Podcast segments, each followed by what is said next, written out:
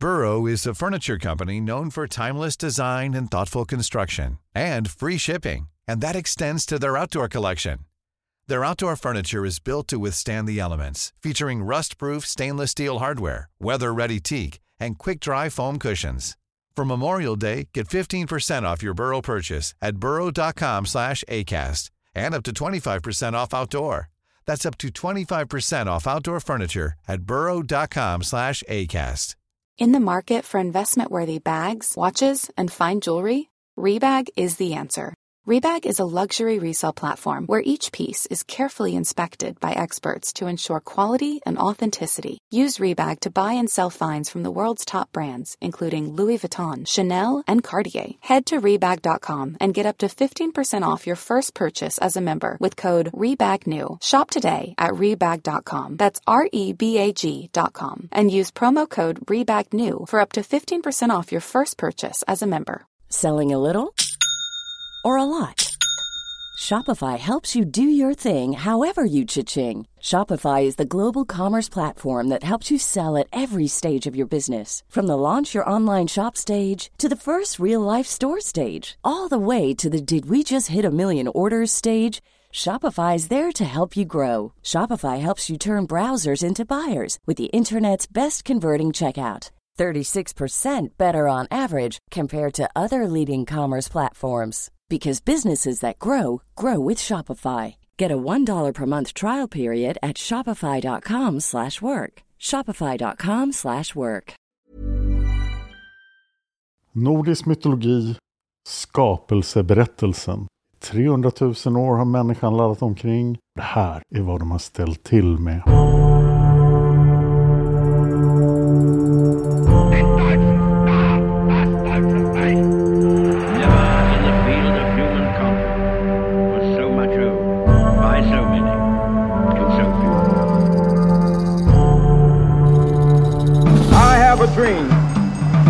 Dallas, Texas, the flash, apparently official, President Kennedy died at 1 p.m. Central Standard Time. That's one small step for man, one giant leap for mankind. Statsminister Olof Palme är död. God eftermiddag. World Trade Center i New York brinner. Nu blir det historia med Dan Hörning och Cornelia Boberg. Och med det så startar vi ett nytt legendavsnitt. Till skillnad från de andra avsnitten är det här ett avsnitt om legender, precis som legenden om Buddha del 1 och 2. Och jag tror att jag kan ha visat i det förra avsnittet att ingen egentligen vet vad de förkristna skandinaverna sa om sina gudar. Det enda vi har är Snorres version som har den poetiska Eddan som källa. Och Snorre har alltså börjat sitt verk med att berätta en helt annan historia om var asarna kom ifrån, att de var människor från Asien. Och nu ska han alltså berätta den här skapelseberättelsen. Så vi kanske gör fel någonstans, men det har nog Snorre också gjort. Och en fråga som jag själv ville besvara inför mig själv var just vad trodde folk verkligen på det här? Och ja, vi får se vad du tycker nu Cornelia och vad ni lyssnare tycker. För nu ska vi berätta hur världen kom till. Alltså, min personliga åsikt är ju egentligen att alla skapelseberättelser som inte är Big Bang är ju för mig bara hokus pokus. Eller just det här, trodde verkligen människor på det här? Ja. Och, och det här är ju dessutom skrivet av någon som faktiskt inte trodde på det själv. Okej, världen finns inte. Före världens skapelse fanns bara en enda sak. Ett gap. Gnunga-gap. Ett gap? Vadå för Ja. gap? Ett stort gap. Alltså av någon som gapar eller bara ett hål? Jag tolkar det som en stor ravin. Alltså ett jättestort gap. Och vad är det ett gap i? För det finns bara ett gap. Gnunga-gap. Det här är den avgrund ur vilken världen har sitt ursprung. Adam av Bremen, som ju är en bra källa till tidiga saker i Norden. Han börjar spekulera i en skrift om, ja, kan det här ha legat någonstans? Det måste ha legat långt bort i norr. Bremen ligger i norra Tyskland och Adam dog någon gång före 1095. Han var en författare och historiker, han skriver massor om Norden. Men av någon anledning så spekulerar han i var Gnungagap ligger. Och det kan man ju undra varför han gör det. Det finns en 1400-talsskrift och det här är verkligen intressant som heter Gripla. I den står det att Gnungagap låg nog mellan Vinland och Grönland. Alltså Davis sund. Och observera att här är en 1400-talsskrift som nämner Amerika. Nämen, Ja, en 1400-talsskrift som Columbus mycket väl kan ha läst. Kanske var det här anledningen att Columbus valde att åka så långt söderut för han ville inte ramla ner i Gnungagap. nej. Men kan det vara världens ände? Ja, om det ligger i Davis sund, då är det inte jättestort. Men hela världen uppstår ur det här gapet, så att det måste ju vara väldigt stort. Och vi vet inte heller vad som händer med Gnungagap, för den bara försvinner ur historien efter ett tag. Spekulationen fortsatte ända in på 1600-talet, där en islänning gissade att Gnungagap var Baffinön, alltså norr om Kanada, som nyligen hade upptäckts. Och vad den här ön är säkert Gnungagap, jag vet inte vad han baserar det på. Kanske är Baffinön full av raviner. Okej, vi har alltså ett stort gap. Börjar bra. Det är lite som Big Bang ändå. Det var, nej, det är inte Nej. som Big Bang. Okej, i södra Gnungagap uppstod Muspelheim, eldens rike. Där var det varmt och hett. Och plötsligt sitter där Surt. Surt är en brinnande jätte med ett brinnande svärd.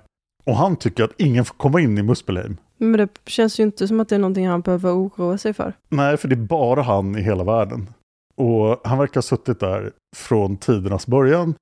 Och det kommer även vara Surt som förintar världen. Åh, Så i söder är det varmt. Surt betyder den svarte på fornisländska. Man tror att Surt kommer från vulkaner. Att det här är en tolkning av all vulkanisk aktivitet på Island. Det här kan mycket väl vara ett isländskt tillägg till den nordiska mytologin. Det finns eh, en ort som heter Surtsey, Surtsö, som är bildad av lavasten på Island. Enligt den isländska traditionen bodde Surt en gång i tiden grottan Surtshellir och den finns med i Landnamma bok, den här boken om den första bosättningen på Island. Där är alltså jätten Surt med också. surt. En forskare, Rudolf Simek, tror att Surt har funnits länge inom den germanska mytologin och alla tänker ju på eld. Och han är ju lite av en eldgud fast han är en jätte. Och när nordmännen kom till Island och såg vulkaner för första gången så tänkte de, ah, Surt! Eller sot. Ja, kan det ordet till och med komma från Surt? Men jag är inte säker. Okej, vi har alltså ett stort gap. Mm. Och i ena ändan, den södra ändan, hur man nu kommer fram till vad som är syd och norr i ett stort gap. Där finns det en massa eld. Och en ilsken kille med ett lysande svärd som brinner. I like where this is going. Men i övrigt finns det ingenting. Det finns ingen himmel, inga hav, det är bara ett gap. Och vad är ett gap i? Ingen vet! Ingen kan svara på det. Ingen var där utom Surt och han berättar inget. Och hur överlever han om han inte har någonting att äta? Ja, du skulle inte våga fråga honom. Då blir eldsvärd. Då tar jag fram mitt eldsvärd. Vad är det som brinner i Gnungagap? Det är bara eld. Lite som saker som kommer upp ur vulkaner. Men då i norr finns det köld och is. Nifelheim. Köldens värld. Så i norra gapet jättekallt. Men det finns en brunn. Vergelme. Och ur den rinner ut 11 eller 12 namngivna floder. Så det här är några floders ursprung. De rinner från Nifelheim.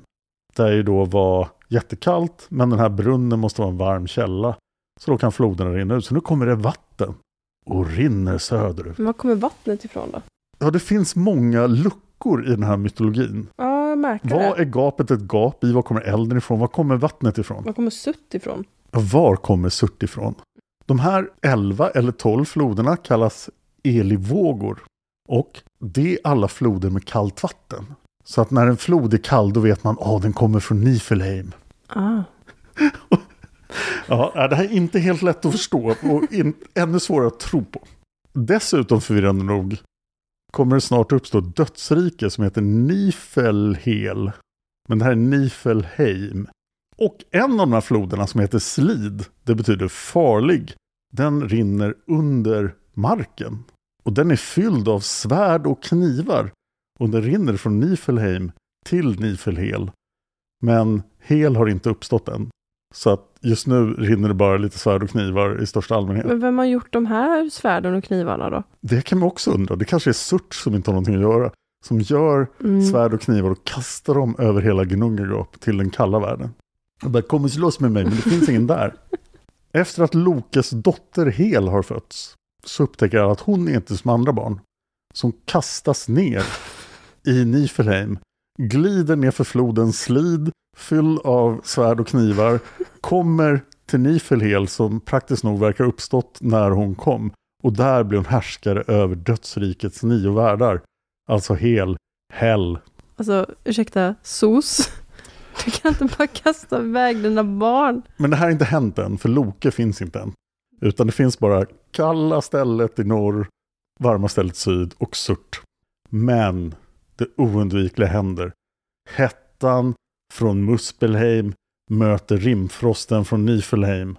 Och när rimfrosten smälter uppstår en kraft. Och då hade man gissat ånga. Mm. Men nej, Nej. det uppstår en gigantisk snubbe. Åh, vem är detta? Ymer. Ja, Ymer är jättestor. Det är otroligt oklart hur stor han är. Men jag gissar att han är 15 000 meter lång. oj. Han är dessutom världens första queer-person. Och det finns mycket queer-inslag i nordisk mytologi. Det är bra. Ymer har minst två kön. Han har alla kön som finns. Och det här är ju då lite underligt för Ymer. Men eftersom han har alla kön och några till så börjar hans kroppsdelar ha sex med varandra.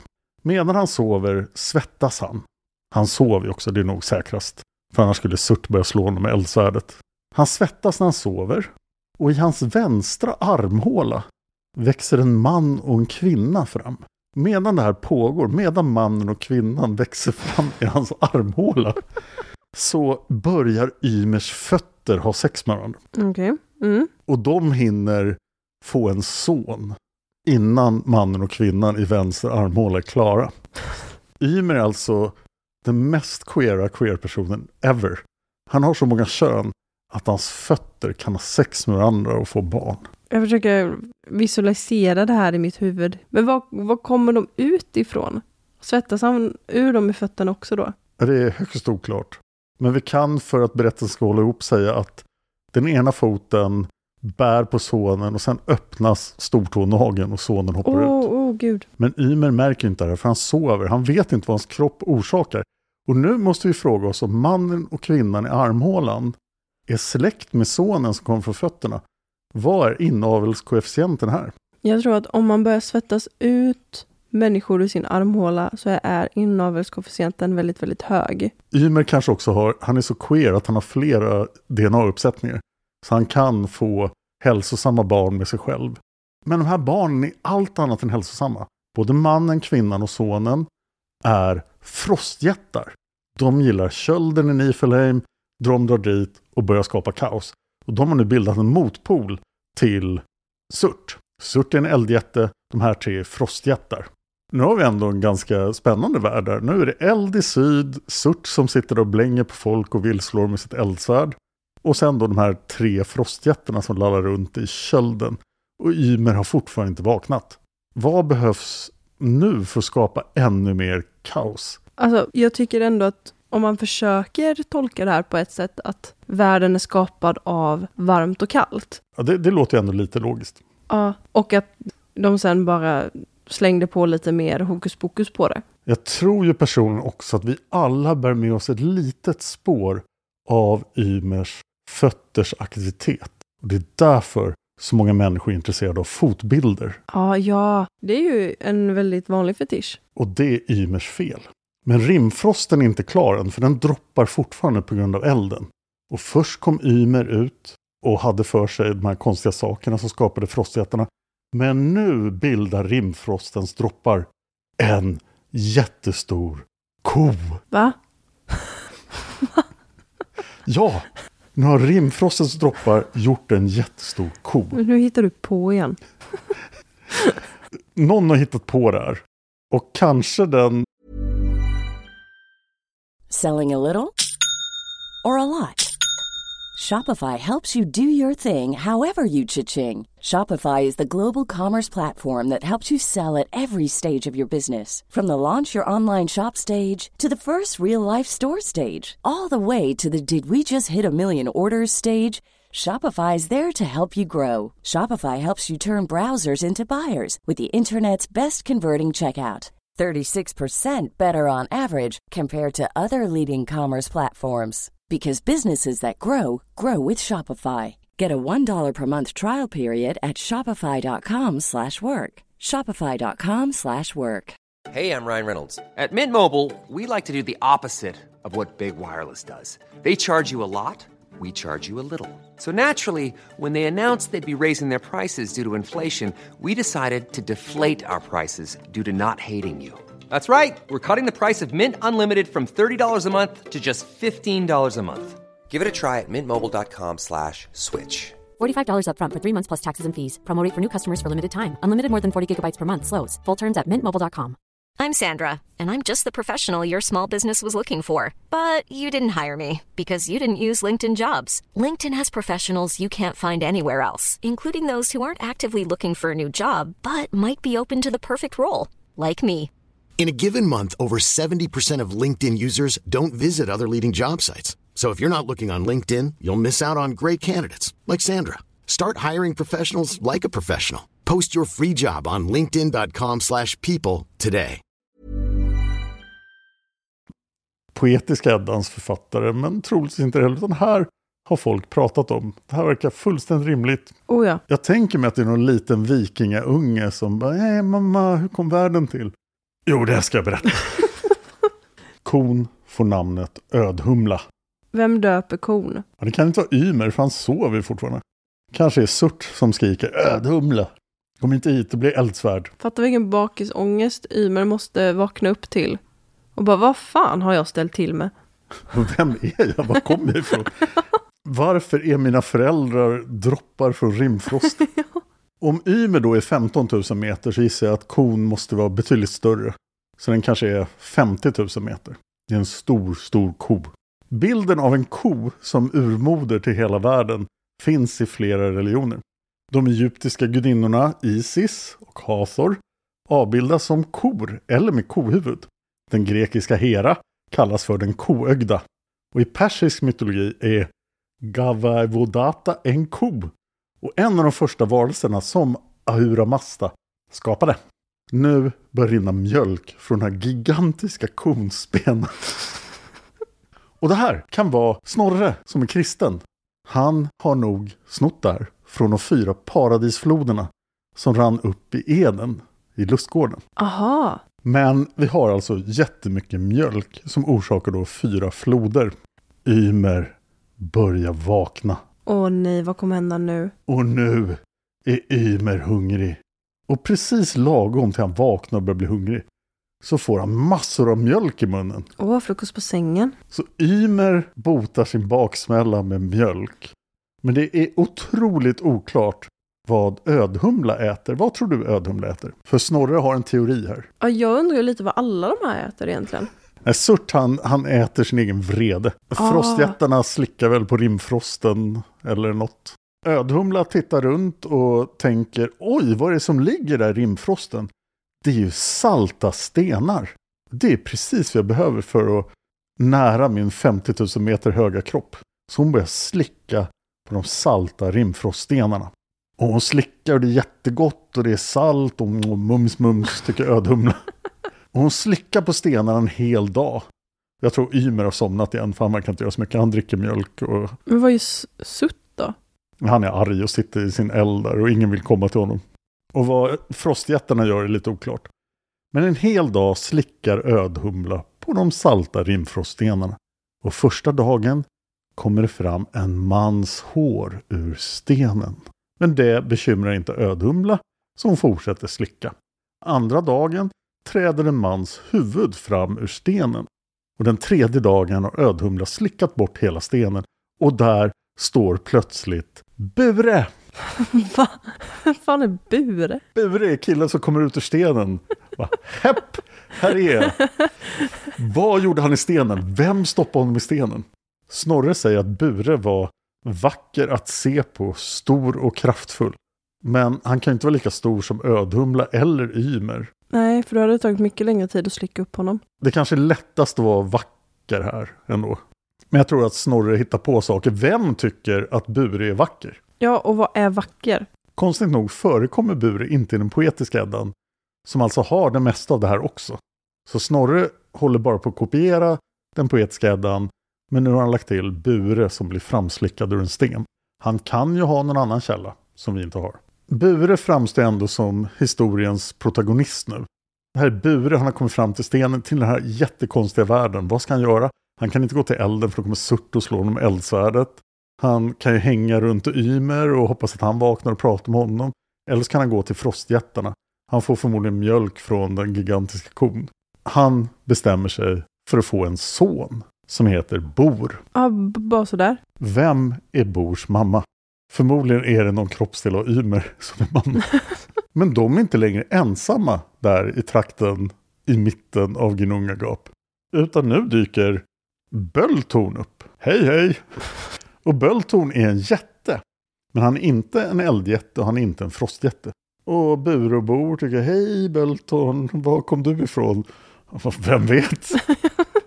Det, är mycket karaktärer här nu på en gång. Ja, men vi har alltså Bure, Bor och Bölltorn som hänger runt Ymer. Som verkar ganska passiv. Ymer gör inte så mycket. Han sover och dricker mjölk. Och är jättestor. Men det verkar vara ett fredligt förhållande mellan Bur och Bor och Bölltorn. Och sen händer någonting helt ologiskt också. Så Bölltorn verkar inte vara ensam i sitt folk. Det finns ett okänt antal andra jättar som inte är eldjättar och frostjättar. Och nu har Bölltorn fått en dotter, Bestla. Och Bor då, Bures son, han börjar få könsdrift. Han bara, jag skulle vilja träffa en tjej. Så tittar han omkring surt, nej inte en tjej. Han är inte lika queer som Ymer. Han tittar på frostjätten, där fanns det en kvinna men hon verkar upptagen. Sen är det då kon. Det vore lite, hon är lite stor också. Den enda som finns här är ju Bestla, Bölltorns dotter. Så Bor gör det enda vettiga, han börjar ragga på Bestla. Bessla har ju ungefär samma dilemma. Hon skulle möjligtvis kunna ta Bure istället. Men hon bestämmer sig för Bor, tycke uppstår, Bor och Bestla gifter sig. Mhm. För nu finns det tydligen ceremonier för att gifta sig också. Så här har vi det första äkta paret efter de där två som växte fram ur Ymers armhåla, men de är i Nifelheim. Och då blir det barn. Bor och Bestla får tre barn.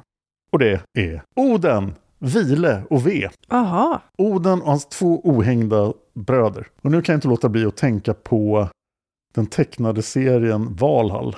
Som jag läste när jag var liten. Och det var väldigt roliga seriealbum där de hade försökt göra sammanhängande serier om nordisk mytologimyter. Hur gick det? Och då är Vile och Ve får mycket mera plats än vad de får i den nordiska mytologin i vanliga fall. Utan de är Odens konstiga bröder som dyker upp och ställer till saker. Men de är inte onda, de är bara jobbiga. Och de här tre, det är väldigt oklart vad Bure och Bor är för någonting. Men Oden, Vile och Ve självidentifierar som asar. De är gudarna och de vill skapa kaos. Och ur kaos tänker de skapa ordning. Det här är de tre mest aktiva ever i den här världen. De tittar sig runt. Vad ska vi göra? Där är en jättestor kille som ligger och suger på en enorm ko. Det är ju jättevidrigt. Vi dödar honom. Så stackars Ymer som har levt i den här halvdvalan. Han blir mördad av Oden, Vilo och V. Som dödar den stackars oskyldiga superjätten. Och det sprutar blod från den enorma jätten. Och blodet sprutar in i Nifelheim. Och det är varmt. Så det skapar kaos i Nifelheim. Frostjättarna har hunnit föröka sig massor och springer runt där. De har en massa frostjättar. Men alla drunknar i blodfloden. Nej. Förutom en frostjätte, Bergelmer. Han har nämligen kommit på hur man bygger en båt. Nämen, var har, Ja. var har han fått virke ifrån? Han har tagit en stock, men det finns fortfarande inga träd i historien.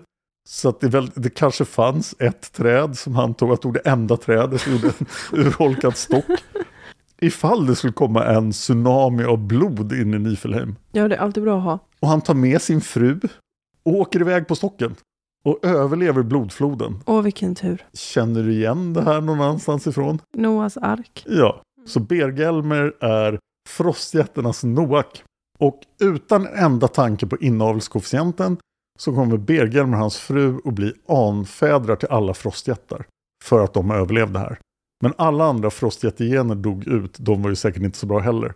Så frostjättar inavlade. Är det därför de inte finns kvar idag? Eller? Åh,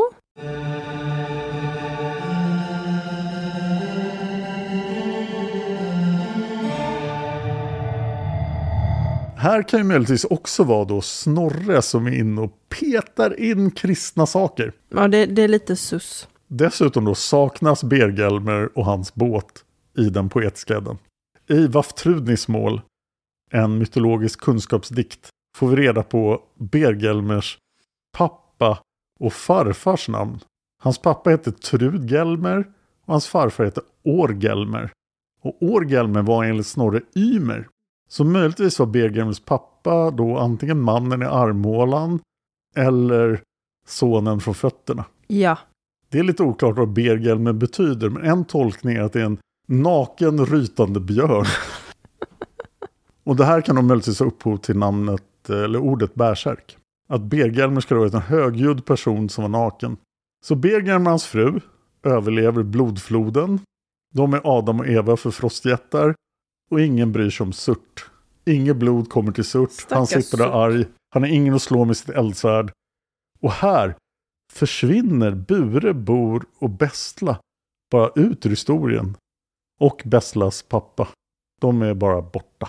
Och man kan ju misstänka att Oden, Vilo och Ve slog ihjäl dem också. De verkar oerhört modiska. Dessutom det, verkar det inte vara någon som bryr sig mer om att det finns en 50 000 meter hög ko. Den hade jag ju tänkt väldigt mycket på. Det kanske blir naturligt, det är som himlen, bara, det är kon. Men Oden, Vilo och Ve är inte klara. Nu har de utfört sitt första mord, eller ett antal mord, kanske ett massmord till och med. Nej men oj. Men de verkar också vara oerhört starka, för nu lyfter de upp Ymer och bär honom till mitten av Gnungagap. Men han låg ju i mitten av Gnungagap. Så det här låter ju som att de bara tar cred för den platsen han var på. Men nu börjar Oden, Vilo och Ve ägna sig åt hantverk och styckning. Åh, ja. De tar Ymers kropp och nu måste han vara mycket större än 15 000 meter. För att det är Ymers kött som är jorden. Och då undrar man ju vilken yta hände allt det här på? Mm. Finns det kvar om vi borrar tillräckligt djupt? Och vad hände med Gnungagap? Men av eh, Ymers ben gör de bergen. Av hans blod gör de hav och vatten. Det kunde man ju tänka sig att de här floderna som kom från Ödhumla och från Nifelheim skulle kunna fixa. Men nu är det Ymers blod. Alla stenar är Ymers krossade tänder och ben. Alltså det låter som ett väldigt hårt jobb. Att I- göra allt det här. Ja, ja de, de verkar ha en plan. De har en projektbeskrivning och de följer den. Ymer växer ytterligare här för Ymers huvudskål gör de till himlen och sätter upp den över jorden. Och här kommer en lite bisarr händelse i den här otroligt logiska historien. För världen har ju fyra hörn tydligen, som en huvudskål. Och nu hittar Oden, Vil och Ve fyra dvärgar. Som väl som dvärgar brukar hopp, har hoppat upp i jorden någonstans ifrån. De heter lämpligtvis Östre, Västre, Nordre och Södre. Och de tar de här dvärgarna och säger stå här och vakta huvudskålen i varsitt hörn av världen. Och det får de göra i all framtid. Det var ju en taskig behandling av ett nytt folk som kom upp ur marken. Men som tur är finns det många fler dvärgar. Oden, Vilo och Ve verkar även ha koll på Surt, för de lyckas komma förbi Surt och ta gnistor från Muspelheim och slänga upp dem på himlen. Nu börjar man misstänka att de är lite fulla. Ja, nu har det blivit lite mer kaos. Och de här gnistorna från Muspelheim, de är alltså solen, månen och stjärnorna. Och det är därför himlen har ljus, för det är ju eld från Muspelheim. Ja, ja. det borde man ju veta. Gud, fan jag som trodde att det var från solen. Det verkar finnas här icke-eldjättar och frostjättar kvar. Så jättarna fick land på havsstranden av Oden, Vil och Ve. Men sen blir Oden, Vil och Ve misstänksamma. De här jättarna kommer ju att skapa kaos som inte vi vill ha. Såklart. Och vi kan inte slå ihjäl dem, för jag har redan slagit ihjäl nästan allt som fanns i hela världen. Så därför behöver vi bygga en borg, eller en stad, som skydd mot jättarna. Och vad har vi för delar kvar av Ymer? Vi har hans ögonbryn. Så av Ymers ögonbryn skapar man Midgård. Och någon av bröderna konstaterar, men vad ska jag göra med Ymers hjärna? Och det är så molnen kom till. Så molnen på himlen är bitar av Ymers hjärna som åker omkring. Så här, lite järnsubstans. Det här är alltså ordning ur kaos. Nu har vi passerat det värsta tror jag. Jag, har- jag har lite svårt att processa det här. Ja, ingen vet vad kon är heller verkar det som. Nej, står den kvar där? Den kanske är äcklad av allt det här våldet. Just den tanken att världen har skapats ur ett dödat urväsen finns i många myter världen över. Till exempel den grekiska mytologin. Ja, okej, nu har vi lite jättar. Surt sitter fortfarande borta, men vi har något slags civiliserat ställe i mitten. Oklart om himlen täcker Muspelheim, det tror jag inte den gör. Utan Muspelheim är utanför världen. Och Nifelheim är också utanför världen nu. Oden Vilove glider ut med havsstranden och då får de syn på två träd. Och då kanske de fattar, ja det var det här Bergelmen byggde sin kanot ur. Men nej, hur skulle du reagera i det här läget om du såg två träd på stranden? Vad kan Oden Vilove göra med två träd? De kan bygga hus, Ja, det vore ju logiskt. bygga båtar, elda lite. Men de verkar fortfarande både fulla och höga. För de kommer fram till att vad kul det vore om vi skapade en helt ny ras av de här två träden. Så de använder sin mäktiga magi och plötsligt förvandlas träden till en man och en kvinna. Mhm. Ask och Embla. De första människorna. Och då förstår vi också att inavelskoefficienten för människor måste vara groteskt stor. För det finns bara Ask och Embla, en kille och en tjej. Och de ska ge upphov till alla. Lukta lite Adam och Eva, eller hur? Ja, väldigt, väldigt mycket. Men det här är inte helt lätt att skapa människor av träd. Så att det här kräver samarbete av Oden, Vil och Ve. En av dem ger ande och liv till träden. Den andra ger förstånd och rörelse. Och den tredje ger utseende, mål, hörsel och syn. Och här går Snorre ifrån den poetiska Eddan helt. Så nu freestylar han bara. Ja, för den poetiska Eddan har inte med Vil och Ve. Utan Oden har två andra bröder som inte kommer tillbaka. Och de heter Höner och Lodur. Vil och Ve kommer inte heller tillbaka så mycket. Och poetiska Eddan säger att Oden gav träden ande, Höner gav dem förnuft och Lodur gav dem vätska och god färg. God färg. Ja, jag hittar inte på det. Någon annan hittade på det. Det kanske också är oklart i poetiska Eddan om Höner och Lodur faktiskt är Odens bröder. Och Oden, Vil och Ve, vi fortsätter kalla dem det, är jättestolta på kolla vi har skapat en kille och en tjej. Och då kommer någon av dem på, nej men jättarna kommer slå ihjäl dem. Men då kommer också, men vi byggde ju slumpmässigt en borg för skydd mot jättarna. Där kan de bo. Så Midgård blir människornas hem. De bor där i Ymers gamla ögonbryn. Men bröderna Brothers är inte klara än. De gör en borg till sig själva också.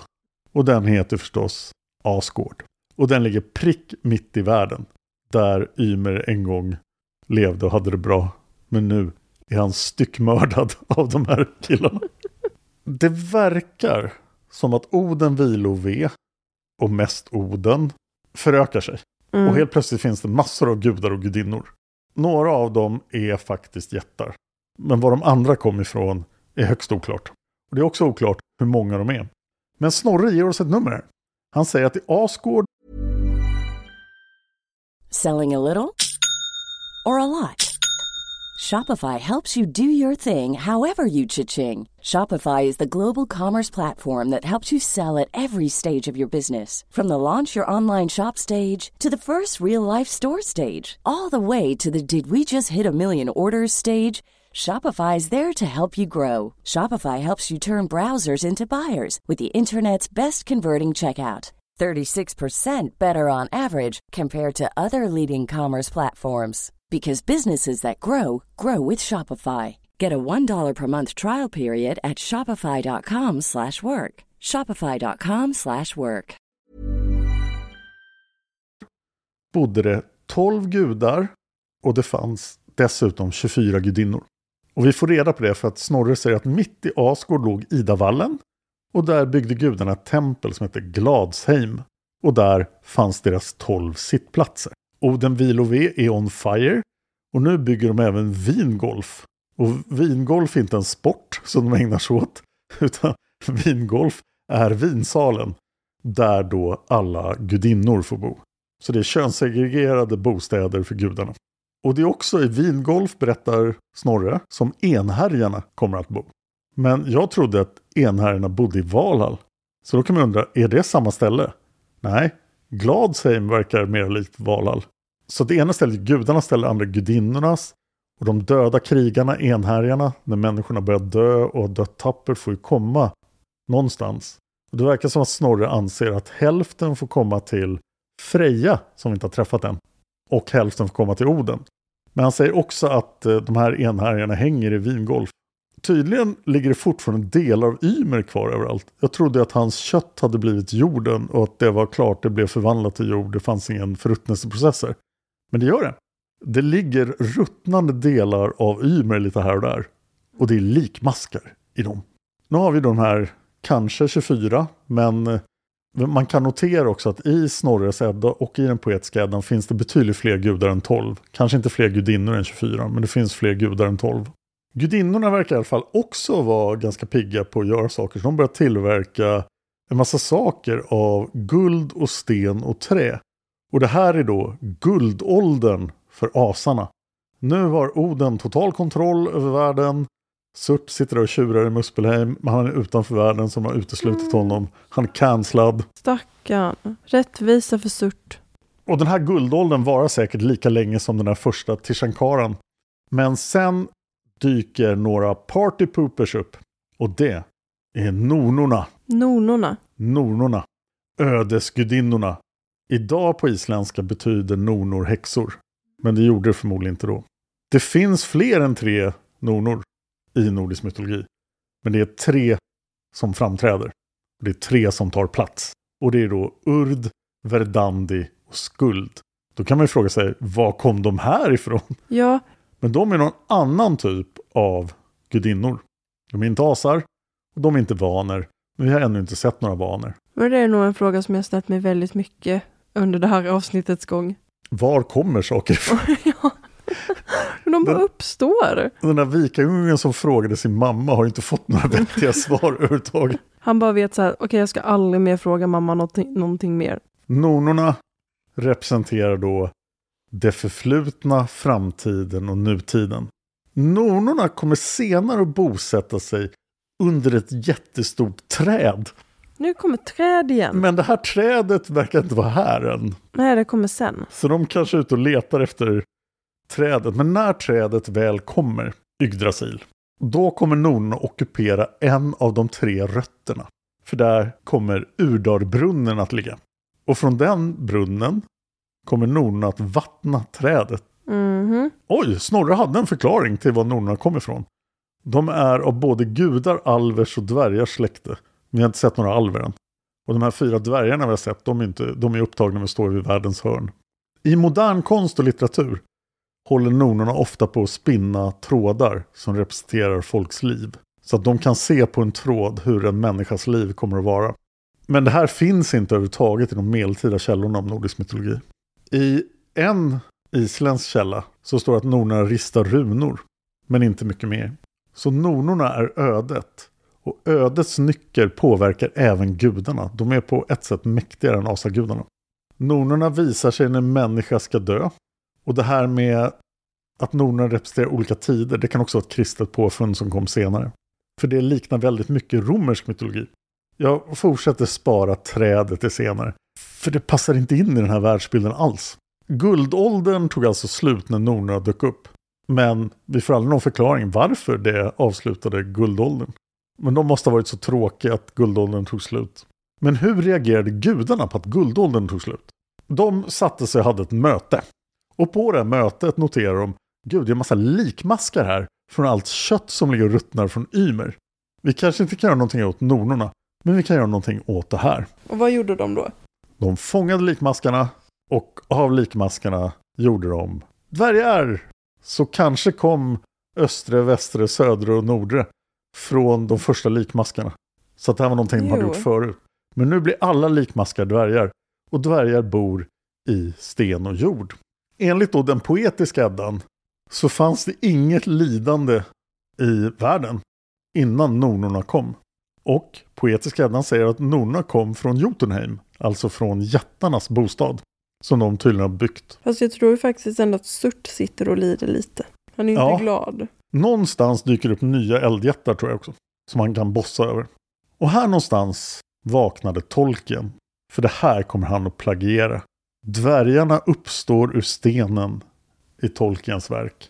Och jag tänker nu prata en del om dvärgar, de är inte jätteviktiga för den nordiska mytologin. Men det är ganska intressant att se hur Tolkien har snott det här rakt av.